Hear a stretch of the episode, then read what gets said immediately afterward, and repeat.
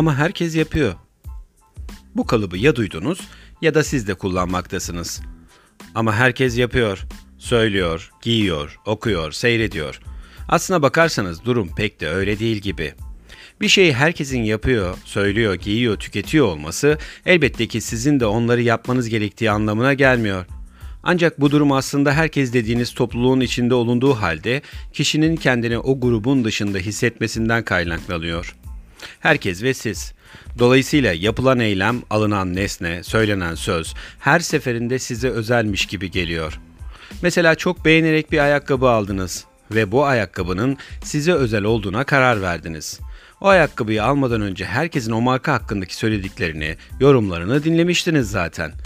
Gelin görün milyon tane üretilen ve milyon kişi tarafından satın alınıp giyilmesinden ötürü hiç rahatsız olmazsınız. Demin de dediğim gibi sanki o ayakkabı size özel üretilmiş gibi alıp giyersiniz.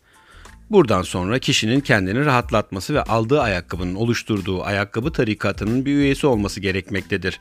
Özellikle çok bilinen markaların kendine has müritleri vardır. Onların bağlılığını kuvvetlendirmek için her yıl özellikle bir ya da iki model çıkararak sizlerin özel olduklarını hissetmenizi isterler. Piyasada az bulunan nadir kanısını güçlendirmek için yaparlar bunu da.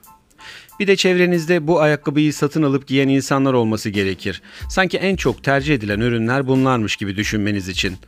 Üzgünüm ama gerçekte bu çevreyi o ayakkabıyı satan değil, alan kişi oluşturur. Etrafına kendi gibi düşünen, giyen, tüketen veya söyleyen insanlarla doldurur. Sosyal medyada bizim gibi düşünenleri takip ederiz. E tabi bizi de bizim gibi düşünenler takip eder. Aynı zevklerden hoşlanan insanlar aynı dükkanlardan alışveriş yapar.